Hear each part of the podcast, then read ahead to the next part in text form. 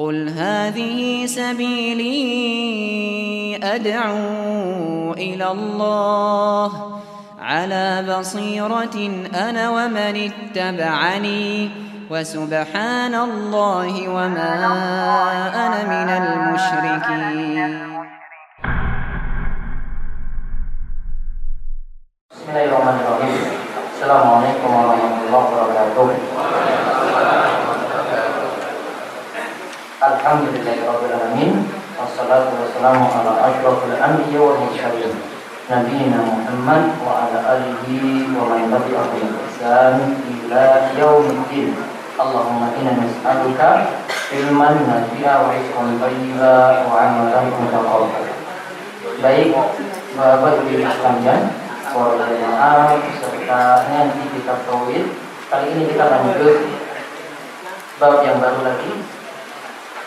yaitu tentang masalah hadiah bab 36.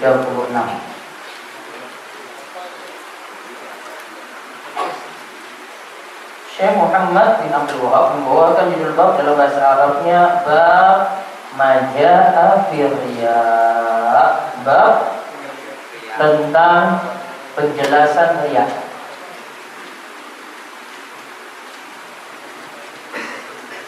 Maksudnya beliau ingin menyampaikan bahwa ria termasuk dalam perbuatan syirik.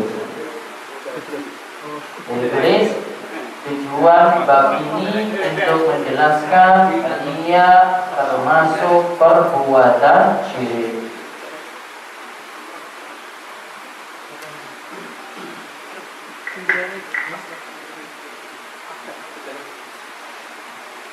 Dan ria hakikatnya berasal dari kata minaru'yatil basirah melihat dengan pandangan. Secara bahasa itu artinya melihat.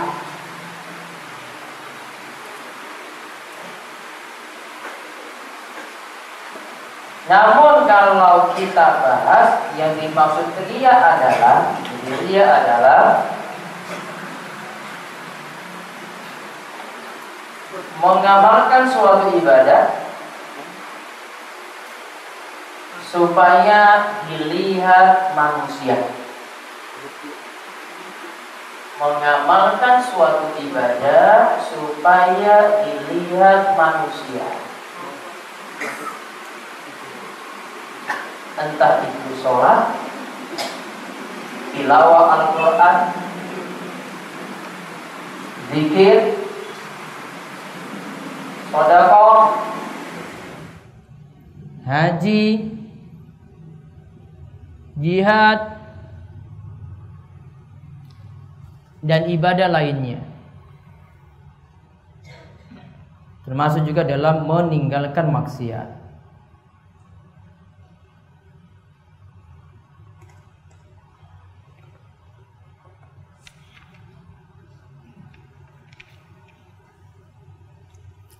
Dan ria di sini ada dua tingkatan.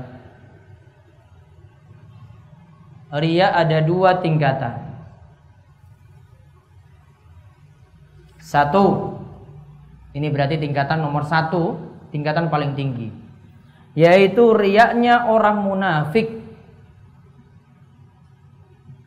Riaknya orang munafik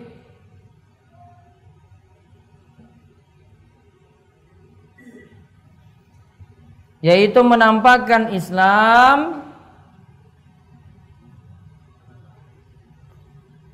menampakkan Islam dan menyembunyikan kekafiran.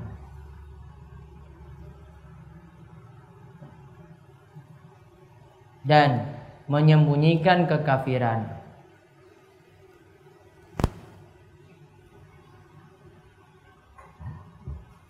Hukumnya yang pertama ini, yang pertama ini hukumnya kufur akbar.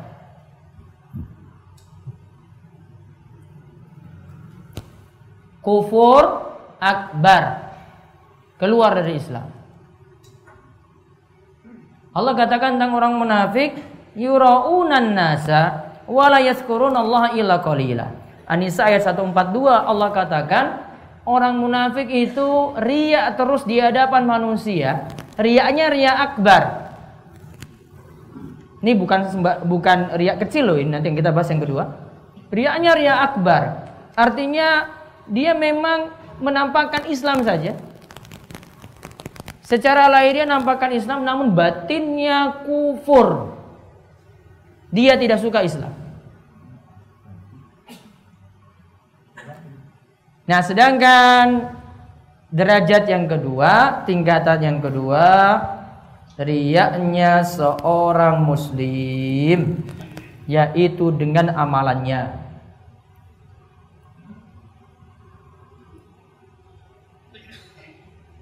Riaknya seorang muslim yaitu dengan amalannya.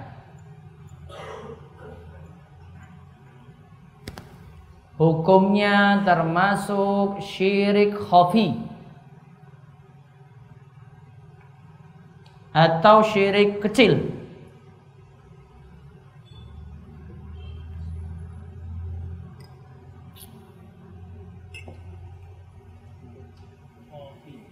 Syirik khafi K H O F I. Kalau kofi beda lagi. Khafi Khofi. Khofiyun itu maksudnya samar. Ya. Yaitu ada syirik yang benar-benar nampak, ada syirik ada syirik yang samar. Artinya ada yang syirik orang itu nampak tahu itu syirik. Ada yang yang samar, artinya kita tidak tahu dia berbuat syirik atau tidak.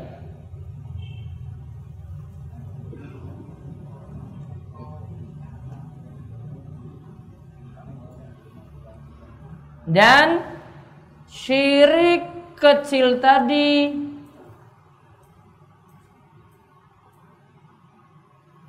Jika di bawah mati, jika di bawah mati tanpa bertobat jika di bawah mati tanpa bertobat maka ikut masuk dalam timbangan. Maka ikut masuk dalam timbangan.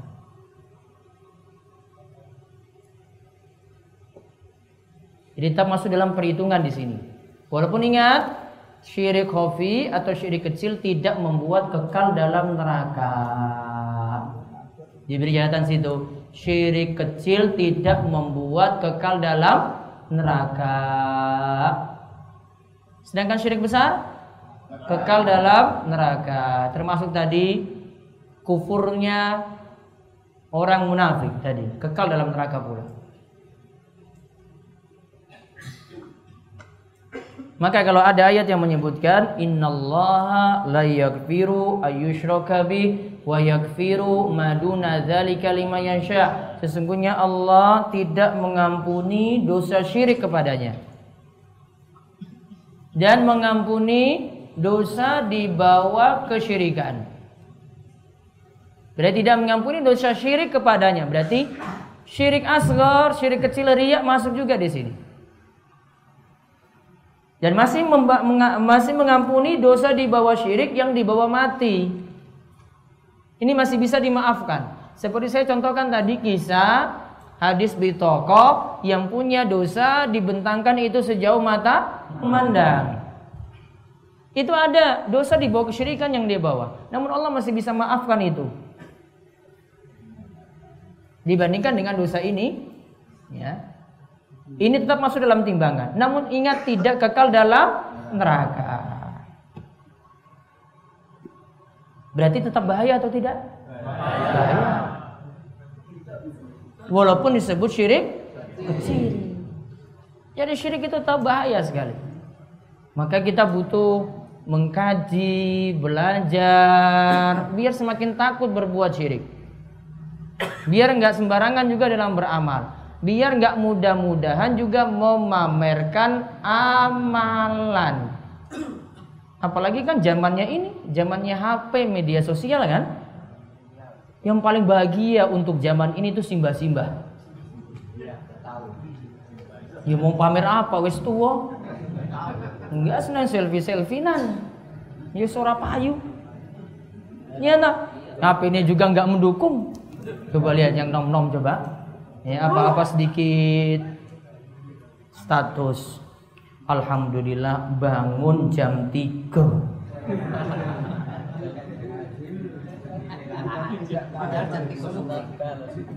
Iya tulis jam 3 malam dia pas bangun.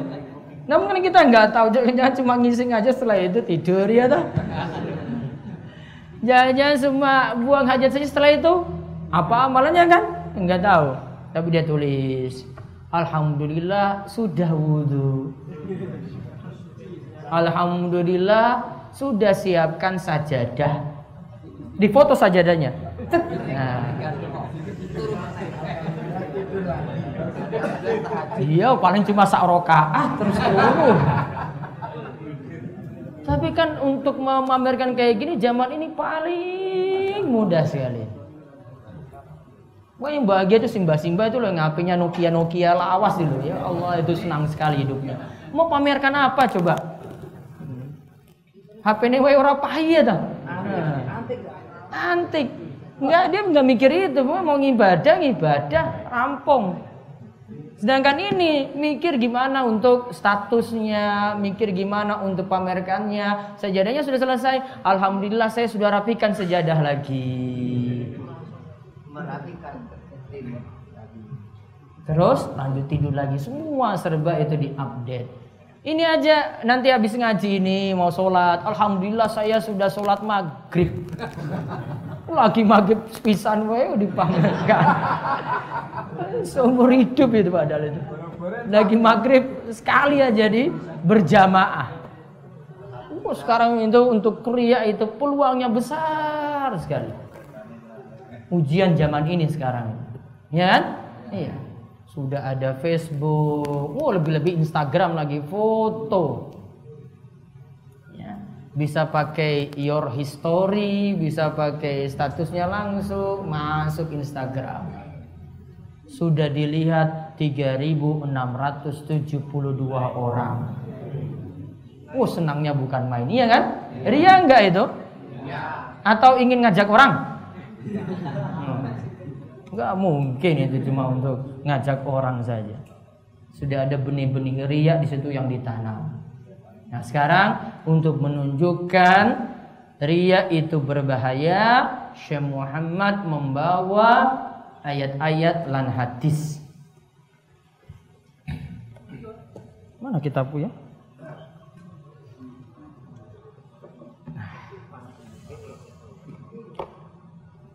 Baik dibacakan Allah Ta'ala berfirman Ada satu ayat dahulu Al-Kahfi ayat 110 Lalu nanti hadis monggo.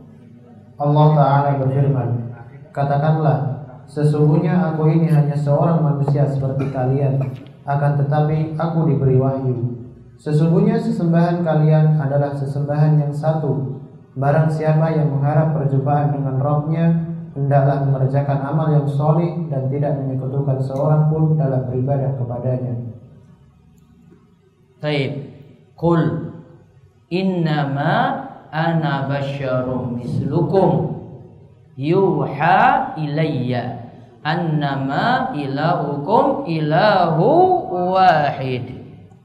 Faman kana yarju liqa'a rabbih falyamal amalan salihah wala yusyrik bi ibadati rabbih ahada Al-Kahfi ayat 110 ayat yang paling terakhir Berarti Al-Kahfi ada 110 ayat. Dianjurkan baca pada malam Jumat dan hari Jumat. Mana yang lebih afdol? Yasin pada malam Jumat atau Kahfi? Kahfi. Hah? Kahfi. Kahfi apa Yasin? Al-Kahfi. Dalilnya jelas. Gak usah ditawar-tawar lagi di sini. Ya. Namun boleh nggak hafal surat Yasin? Boleh. Boleh. Pun hafal? Ah, sami mawon ya. Bukan saya nggak pakai yasinan. Malam kemisan. Hmm, masa nggak boleh hafal? Sudah diterangkan di, di al, apa surat Yasin itu pelajaran tauhidnya itu banyak sekali. Ya, banyak sekali loh itu. Maka yang hafal itu beruntung dia hafal, tinggal kaji ayat demi ayat tentang anggapan sial. Qalu inna tatayyarna bikum. Itu tentang ayat yang membicarakan tentang tatayyur beranggapan sial. Oh, enggak boleh diingatkan di situ. Qalu ta'irukum ma'akum in dzukirtum bal antum qaumum musrifun. Diingatkan, kamu sial itu karena kamu sendiri, nggak boleh salahkan waktu, nggak boleh salahkan bulan suro, nggak boleh salahkan kiai, nggak boleh salahkan orang, nggak boleh salahkan tempat, ya. Pokoknya kalau dapat sial, kamu sendiri yang salah. Yang baca harus ini pahami itu. Ada dijelaskan masalah akidah, masalah kiamat dijelaskan lagi. Wah, akidahnya banyak sekali surat Yasin. Namun ada yang baca surat Yasin cuma baca saja, akidahnya amburadul. Akidahnya akidah penyembah kubur, akidahnya akidah yang syirik, akidahnya tidak mentauhidkan Allah. Melanggar surat Yasin yang dia baca sendiri yang dia hafalkan. Terus lihat tadi. Katakanlah sesungguhnya aku manusia semisal kalian. Yuha ilayya diwahyukan kepadaku annama ilahukum ilahu wahid. Sesembahan kalian hanya satu. Itu di garis bawahi tadi. Akan tapi tadi sesungguhnya sembahan kalian adalah sembahan yang satu. Garis bawahi. Kalau sesembahan yang satu berarti sholatnya hanya untuk Allah. Sodakonya hanya untuk Allah. Nggak usah cari-cari pujian di situ untuk sodako. Tolong Pak DKM, Pak Takmir, saya mau nyumbang masjid, namun dicatat ya. Haji Fulan. Orang dicatat haji, orang tak sumbang. Ya, nggak dicatat haji, nggak mau nyumbang. Ria nggak? Iya. Ya. Oh, gelar saya selain haji itu ada insinyur. Ini wes kuliah iki larang ya dicatat, Pak. Jadi haji, insinyur apa haji dulu? Oh, haji sek berarti. Haji insinyur fulan. Ria enggak? Ya. Beda kalau tujuannya untuk memotivasi orang lain. Namun biasanya beda-beda tipis. Ya kan? Ya. Beda tipis. Niat perlu dijaga di sini. Maka tadi dilihat sesembahan kalian adalah sembahan yang satu in an annama ilahukum ilahu wahid. Kalau sembahannya satu, maka sholatnya hanya untuk Allah. Sodakonya hanya untuk Allah. Hajinya hanya untuk Allah. Umrohnya hanya untuk Allah. Dijaga amalan tadi.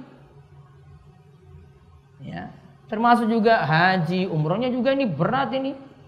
Ya, kadang kita di tanah suci selfie-nya yang lebih banyak dibandingkan tawafnya. Ya, fotonya yang lebih banyak dibandingkan tahajudnya. Ya nggak pernah itu, namun sedikit dia depan Ka'bah langsung tolong foto dulu yang paling bagus itu. Wah, difotolah dia di belakang Ka'bah. Ria nggak? Iya. Wah, perawan sekali. Kadang biar keren saja ya untuk jadikan foto profil. Wes jadi Pak Umroh, Pak UMR. Yo hajine urung. Ya. Pak UMR. Umrohnya tunai. Ora utang. Faman kana yarju rabbih, siapa yang berharap perjumpaan dengan Robnya, berarti ingin bertemu dengan Allah, falyamal amalan solihah. Maka lakukanlah amal soleh. Situ disebutkan hendaklah mengerjakan amal soleh. Diberi catatan, amal yang soleh adalah amalan yang sesuai tuntunan. Berarti harus manut pada tuntunan kanjeng Nabi. Nggak boleh buat-buat amalan sendiri. Kalau kanjeng Nabi itu zikir nggak pakai eh, nggak pakai kepalanya itu kanan kiri goyang-goyang kanan kiri nggak usah nambah-nambah. Zikirnya biasa. Jangan pakai la ilaha illallah. Oh kepala ini kurang ya? Ya orang biasa Iya kan ada yang kayak gitu ya. Nah untuk gerakan ini mau tambahan kanan kiri, mbok pakai tuntunan. Kalau nggak pakai tuntunan, nggak usah nambah-nambah. Oh, kepala mau muter la ilaha illallah, la ilaha illallah, illallah, illallah, huwa, huwa, huwa, huwa, hu, hu, hu. Nggak usah nambah-nambah nggak usah kurang-kurangi jadi la ilaha jadi huwa huwa huwa hu hu hu. Kurangi berarti itu.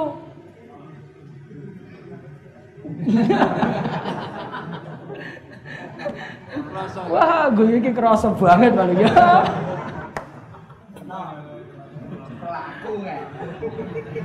Santai saja.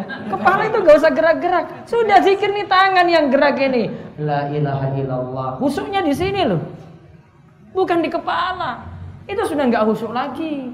Dia perhatian itu cuma kejar jumlah, bukan kejar khusyuknya. Ya kan? Karena pakai target sewu, seribu. Coba kalau standarnya normal saja, la ilallah cuma 100, itu normal saya dia baca. La ilaha illallah, la ilaha illallah, la ilallah. Normal kan standar kan? Namun kalau sudah kejar target, nah itu jadinya. Apa tadi?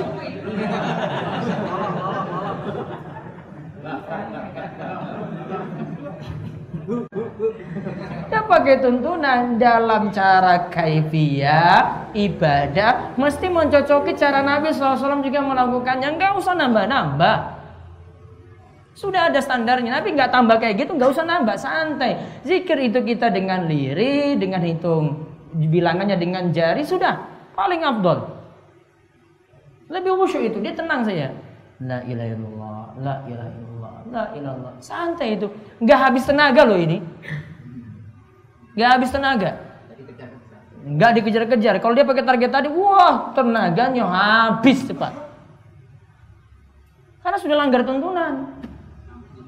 Nah tadi terus wala yusyrik bi ibadati rabbih ahada. Dan tidak berbuat syirik dalam beribadah kepada rohnya pada seorang pun pada satu makhluk pun. Dia hanya mentauhidkan Allah ini jadi dalil kata para ulama ini dicatat ini dalil surat al-kahfi ayat 110 disebutkan dua syarat diterima ibadah sekaligus Dua syarat diterimanya ibadah sekaligus. Dalam satu dalil aja ini. Apa dua syarat diterimanya ibadah? Satu, beramal soleh yang sesuai tuntunan. Beramal soleh yang sesuai tuntunan.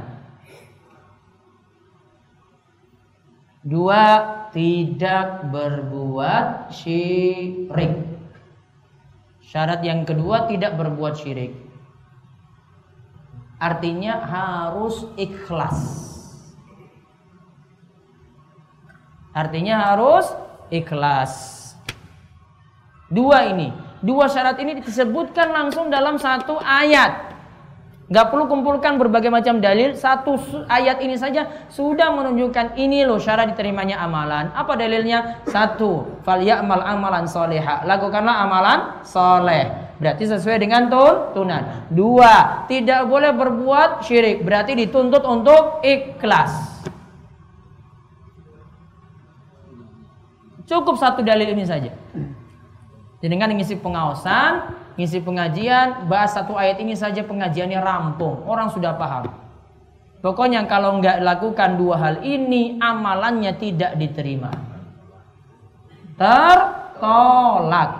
Dia ikhlas namun tidak sesuai tuntunan, bukan amal soleh, tertolak. Dia amalannya soleh sesuai tuntunan namun tidak ikhlas, juga amalannya tertolak. Hatta yakunu khalasan wa suwaban kata Fudail bin Iyad. Sampai amalannya itu ikhlas dan sesuai dengan tuntunan. Dua syarat sekaligus.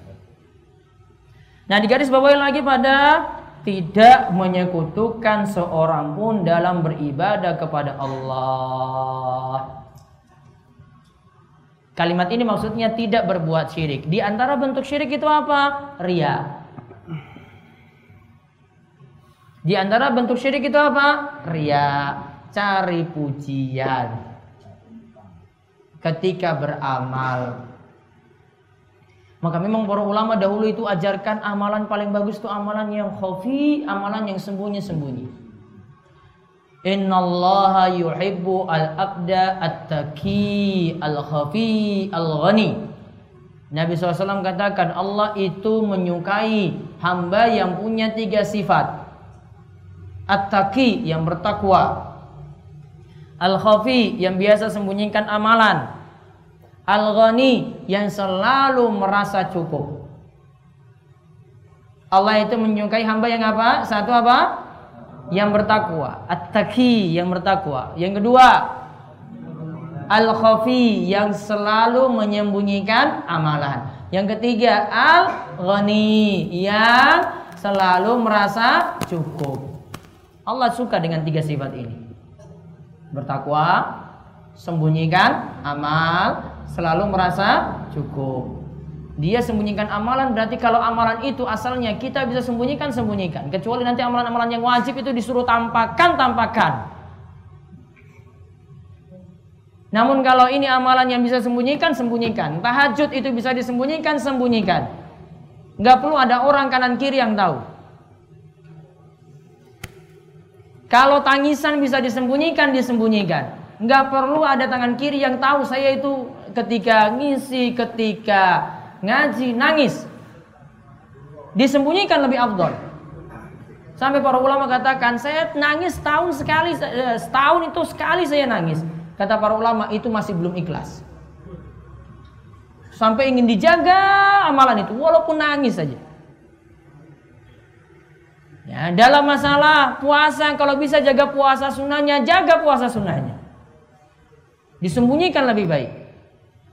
Sampai ada cerita para ulama, dia itu pergi pagi-pagi dari rumah itu nggak ada yang tahu dia itu pokoknya dalam keadaan puasa. Dia pergi bawa rantang, bawa makanan dalam suatu wadah, pergi keluar. Orang-orang kira ini makanan nanti mau makan di warungnya. Ternyata dalam perjalanan menuju warung dia bagi tadi makanan pada orang yang butuh. Pulangnya pas maghrib, pas waktu buka puasa. Pas waktu buka puasa. Tidak ada yang tahu amalan dia tadi. Zainal Abidin. Usianya, maaf, Zainal Abidin. Ya, selama dia itu hidup, dia itu sering memberikan sodako bagi-bagi gandum ke rumah-rumah orang miskin. Dia cucu dari Ali bin Abi Thalib. Digelari dengan Zainal Abidin. Zainal Abidin seumur dia hidup dia tidak pernah menampakkan amalan tadi. Malam-malam gelap-gelap dia bagi sodakohnya tadi di rumah-rumah. Ketahuannya kapan? Pas Zainal Abidin meninggal dunia. Pas Zainal Abidin meninggal dunia, stok makanan berhenti. Satu tandanya. Yang kedua, ketika diperiksa saat memandikan jenazah Zainal Abidin, terlihat tanda bekas orang mikul gandum. Gak ada yang tahu loh ini. Ya, nggak ada yang tahu. Dijadikan amalan tadi sembunyi-sembunyi jadi amalan rahasia. Masa ini orang-orang sekitar nggak ada yang tahu sama sekali. Tiba-tiba ketika dia meninggal dunia, pas makanannya tadi berhenti, wih, kok makanan kami berhenti? Pas Zainal Abidin meninggal dunia, pas dilihat lagi di punggungnya itu bekas orang mikul gandum ketahuan. Ini nggak lain nggak bukan ini pasti Zainal Abidin yang tiap malam beri. Amalannya rahasia sekali. Sodakonya sir. Sodakonya jadi amalan tersembunyi. Kalau bisa disembunyikan, disembunyikan lebih afdol. Daripada ditampakkan. Berat ya? Berat sekali. Tapi Zainal Abidin jaga seumur hidup amalan tadi. Maka kalau punya amalan yang tersembunyi jadikan itu amalan yang ikhlas karena Allah. Antara diri kita dan Allah saja yang mengetahui, tidak ada yang lain. Ya, cuma antara diri kita dengan Allah saja. Itu kalau ada amalan seperti itu luar biasa amalannya. Nah, sekarang lihat hadis saking Imam Muslim. Imam Muslim meriwayatkan hadis marfu dari Abu Hurairah bahwa Allah Ta'ala berfirman, Aku tidaklah butuh dengan sekutu-sekutu yang lain. Barang siapa yang berbuat sesuatu yang tercampur dengan perbuatan menyekutukanku dengan selainku, maka aku akan meninggalkan dan amal perbuatannya yang tercampur syirik. Taib. Saking Abu Hurairah dari Abu Hurairah Allah berfirman dicatat itu berarti kalau hadis dari uh, dikatakan hadis kemudian Allah berfirman berarti hadis kudsi. Hadis kudsi, kudsi artinya suci. Dikarenakan hadis ini maknanya dari Allah, lafaznya dari Nabi Shallallahu Alaihi Wasallam. Maknanya dari Allah, lafaznya dari Nabi Shallallahu Alaihi Wasallam. Ana agna syuroka ani syirki. Aku tidaklah butuh dengan sekutu-sekutu yang lain. Man amila amalan asyraka ma'i fihi ghairi taraktuhu wa syirkahu. Aku tidaklah butuh pada sekutu-sekutu dari berbuat syirik. Siapa yang beramal suatu amalan dia menyekutukan aku, menyekutukan aku yaitu menyekutukan Allah dengan yang lainnya, maka taraktuhu Aku tinggalkan dia yang berbuat syirik dan aku tinggalkan juga perbuatan syiriknya alias amalannya tidak diterima. Di garis bawahi pada kalimat aku akan meninggalkannya dan amal perbuatannya yang tercampur syirik. Berarti orang yang berbuat ria amalannya tidak diterima. Amalannya tidak diterima. Amalan yang tercampur ria ada beberapa macam. Bisa dicatat, amalan yang tercampur ria ada beberapa macam.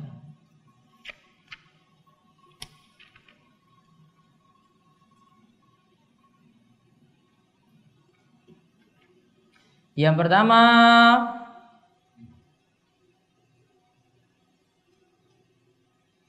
jika riaknya dari awal jika riaknya dari awal.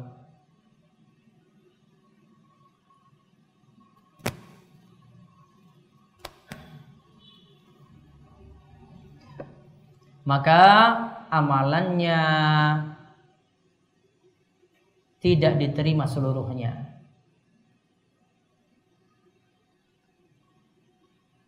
Seperti ingin sholat agar dipuji orang. Ingin sholat agar dipuji orang.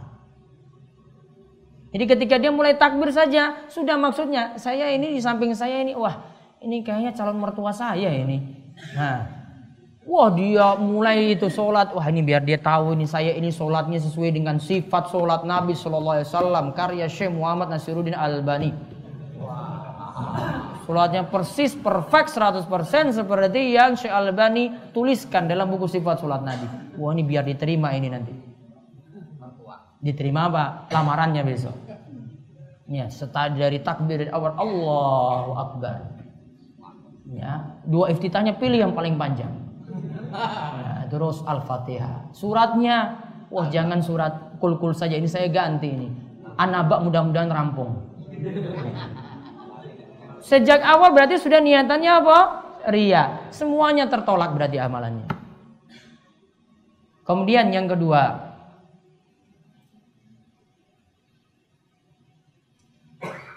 Pokok amalannya karena Allah. Pokok amalannya karena Allah. Namun tercampur ria. Pokok amalannya karena Allah. Namun tercampur ria. tercampur ria. Seperti memperlama ruko dan sujud agar dilihat orang. Namun sejak awal niatannya sudah karena Allah loh. Namun tengah-tengah ini, tengah-tengah berarti.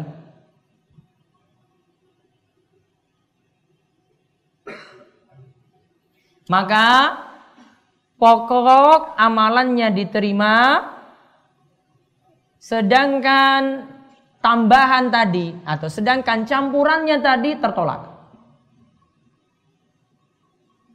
Maka pokok amalannya itu diterima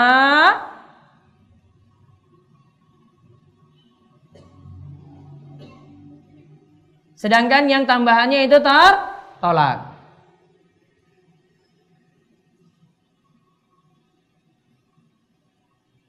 Namun dia berdosa karena buat tambahan riak tadi. Namun dia berdosa karena membuat tambahan riak.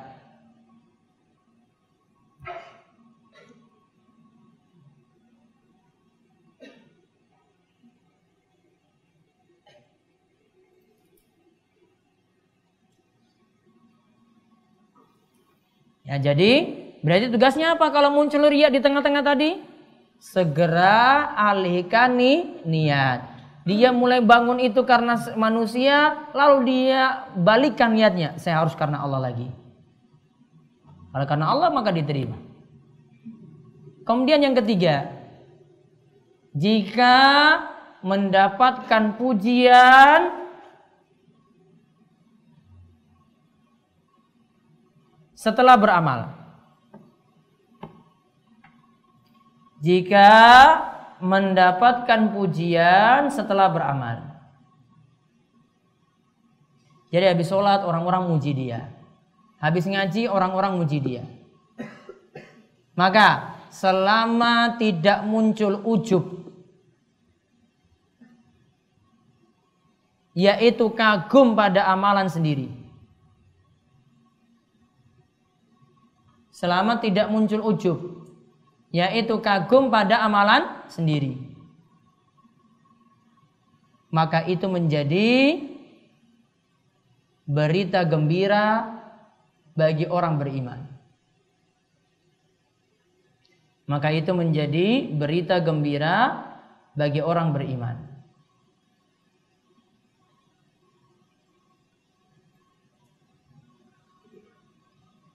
Jadi itu jadi berita apa? Gembira. Yang penting kita nggak ujub saja, yang penting nggak kagum dengan amalan sendiri. Wah, ini amalan saya emang bagus kok. Nah, muncul belakangan kayak gitu, rusak amalnya. Namun kalau dia uh, cegah pujian tadi, artinya dia balas pujiannya. Kalau ada yang muji, ah saya beramal ini semua dengan taufik Allah. Itu bukan karena amal saya. Itu semua karena taufik dari Allah. Allah yang beri hidayah, Allah yang beri taufik, Allah yang beri kemudahan dia kikis itu dengan memuji Allah terus perbanyak pujian pada Allah, maka amalannya aman. Cegah seperti itu. Jangan malah yang positif tadi ditambah lagi positif. Oh iya, saya amalannya bagus. Tambah positif lagi jadi ujub, kagum pada amalan sendiri. Dilawan tadi. Enggak, ini Allah yang beri kemudahan. Itu bukan karena saya, namun Allah yang beri pertolongan. Semuanya karena Allah. Puji Allah langsung. Maka amalan tadi dapat teratasi tadi rasa kagumnya itu nggak akan muncul. Nah, kemudian baca hadisnya lagi, Imam Ahmad meriwayatkan. Imam Ahmad meriwayatkan hadis marfu dari Abu Sa'id Al-Khudri radhiyallahu anhu. Maukah kalian aku beritahu sesuatu yang lebih aku khawatirkan daripada Al-Masih Ad-Dajjal? Para sahabat menjawab, tentu. Nabi bersabda, syirik khafi, yaitu tatkala seseorang berdiri mengerjakan solat Ketika ada orang lain menyaksikannya, maka dia lantas membagus-baguskan sholatnya. Taib. Maukah kalian ala ukhbirukum bima huwa akhwafu alaikum indi minal masih dajjal. Maukah aku beritahukan kepada kalian sesuatu yang samar masih samar bagi kalian dan ini lebih berbahaya daripada fitnah masih dajjal daripada godaan nanti Cobaan yang berat dari Al-Masihat Dajjal. Pernah dengar Masih Dajjal? Pernah Dajjal pernah dengar? Pernah. Dajjal itu suatu yang nampak loh. Orang tahu bahayanya Dajjal. Namun kalau ria tersembunyi. Makanya kenapa dikatakan lebih bahaya ria daripada fitnah dajjal? Karena ria itu masih tersembunyi. Dajjal itu benar-benar nampak. Orang tahu kalau orang beriman tahu itu tanda-tandanya. Kalau ria nggak bisa ditebak. Orang ini sholatnya usyuk, ya itu urusan dia. Kita nggak bisa nuduh dia ria. Wah ini pasti ria ini lama-lama ini. Oh nggak bisa. Itu urusan hati itu. Ingat ya ria ini urusan hati loh. Maka dajjal lu nampak karena jelas. Namun ria nggak bisa. Kita nggak bisa nuduh orang itu wah ini pasti ria ini. Kalau cuma sekedar lihat dia itu khusyuk, oh nggak bisa nuduh dia ria. Ya memang sholatnya seperti itu. Nah lalu dikatakan para sahabat jawab tentu wahai Rasulullah kami mau dikabarkan seperti itu. Nabi SAW bersabda yang bahaya sekali itu adalah asyirkul khafi. Syirik khafi tadi saya terjemahkan apa? Syirik yang samar. Karena ada syirik yang nampak, ada syirik yang sa samar. Ada syirik yang kelihatan, ada syirik yang tidak kelihatan. Yaitu ketika orang itu sholat. Dia perbagus-bagus sholatnya karena ingin dilihat orang. Orang ini perbagus-bagus sholatnya, ini belum tentu menunjukkan bahwasanya kita langsung bisa hukumi dia riak langsung. Namun ini kembali ke amalan dia. Masing-masing orang bisa menilai amalannya itu rusak ataukah tidak dengan riak tadi. Kalau sudah cari pujian orang berarti sudah berbuat riak. Nah sekarang kita lihat kandungan bab. Kandungan bab 1. Tafsir surat Al-Kahfi ayat 110.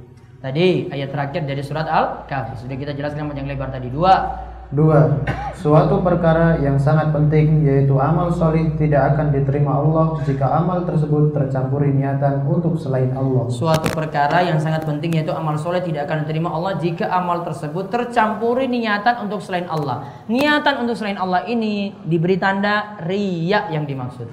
Kalau amal soleh tercampur riya, amalannya jadi rusak. Tiga, Tiga, dijelaskan bahwa sebab tidak diterimanya amalan yang tercampur dengan syirik adalah karena Allah sangat tidak membutuhkan sekutu-sekutu yang lain. Allah tidak butuh pada syirik dan perbuatan syirik, tidak butuh pada pelakunya, maksudnya tidak terima amalnya.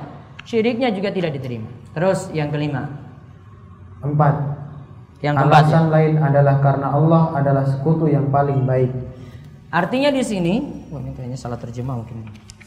Quran tuh. Kalau yang ketiga tadi apa? Kita harus tak pahami Allah yang punya kamalul gina. Allah sangat tidak membutuhkan sekutu-sekutu yang lain lagi. Terus alasan lain karena Allah adalah sekutu yang paling baik.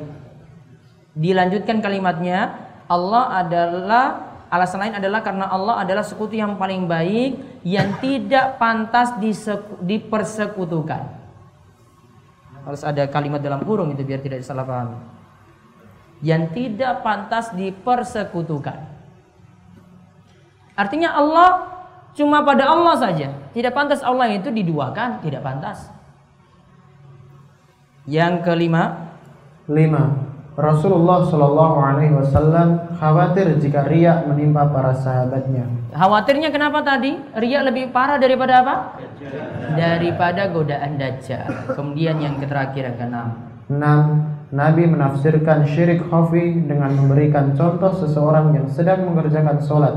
Ketika dia mengetahui ada orang lain yang menyaksikannya, maka dia pun membagus-baguskan sholatnya. Nah itu contoh syirik khafi. Jadi syirik khafi, jadi kita bisa bagi syirik jadi dua. Syirik bisa dibagi dua. Yang pertama syirik yang nyata. Yaitu disilakan dengan syirik zahir.